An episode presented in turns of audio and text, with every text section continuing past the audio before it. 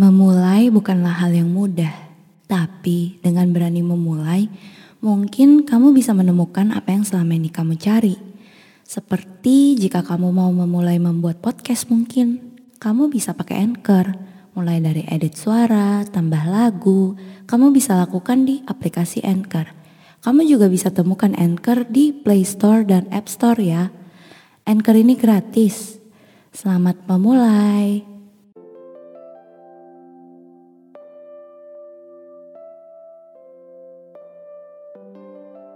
Yakin cuma temen, gak ada rasa sama sekali.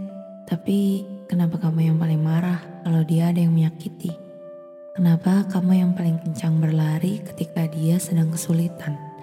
Kenapa juga kamu yang selalu khawatir jika terjadi sesuatu terhadapnya?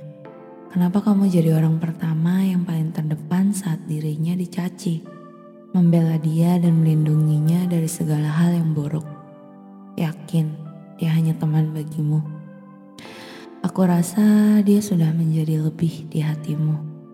Tanpa kamu sadari, kamu telah menaruh hatimu kepadanya. Tanpa kamu sadari, dialah orangnya yang kamu titipkan hatimu.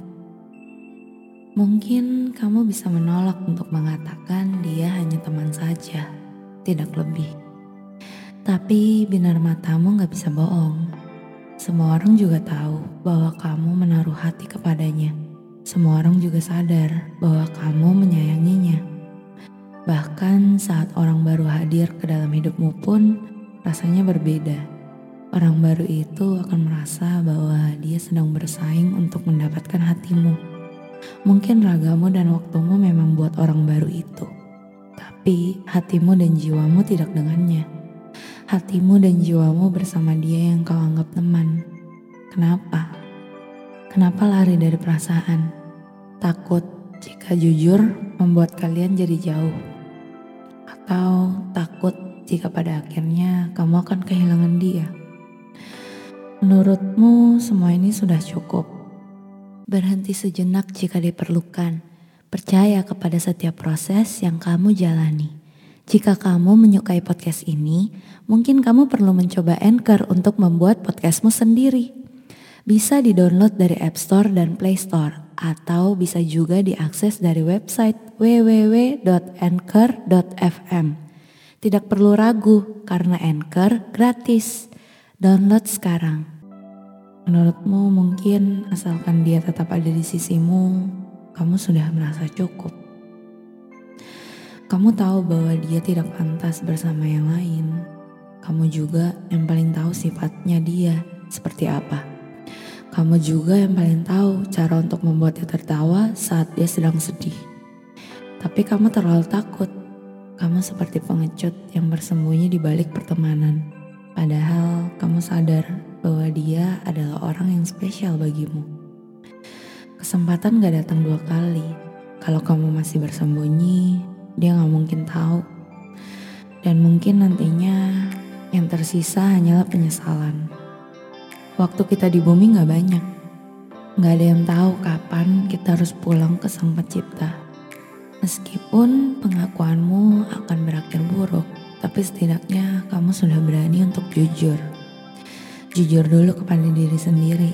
Setidaknya kalau kita jujur, kita bisa melangkah ke depan. Ada, kalau kamu tidak jujur, bagaimana bisa melangkah ke depan? Kamu malah hanya terjebak di situ, gak bisa ke mana-mana. Hidupmu pun mungkin jadi gak jelas arahnya ke mana. Jadi, coba deh tanya ke dirimu sendiri. Yakin dia cuma teman. Jangan sampai deh ada penyesalan di hari esok. Kalau memang sayang, harusnya bilang, jangan dipendam. Orang gak akan tahu tentang perasaanmu. Kode-kodean hanya mempersulit komunikasi. Jika dia tidak memiliki perasaan yang sama, aku rasa kalian sama-sama sudah dewasa untuk tidak merusak pertemanan yang telah ada. Jadi, mungkin kamu harus jujur ke dia. Agar hari esok lebih jelas arahnya ke mana.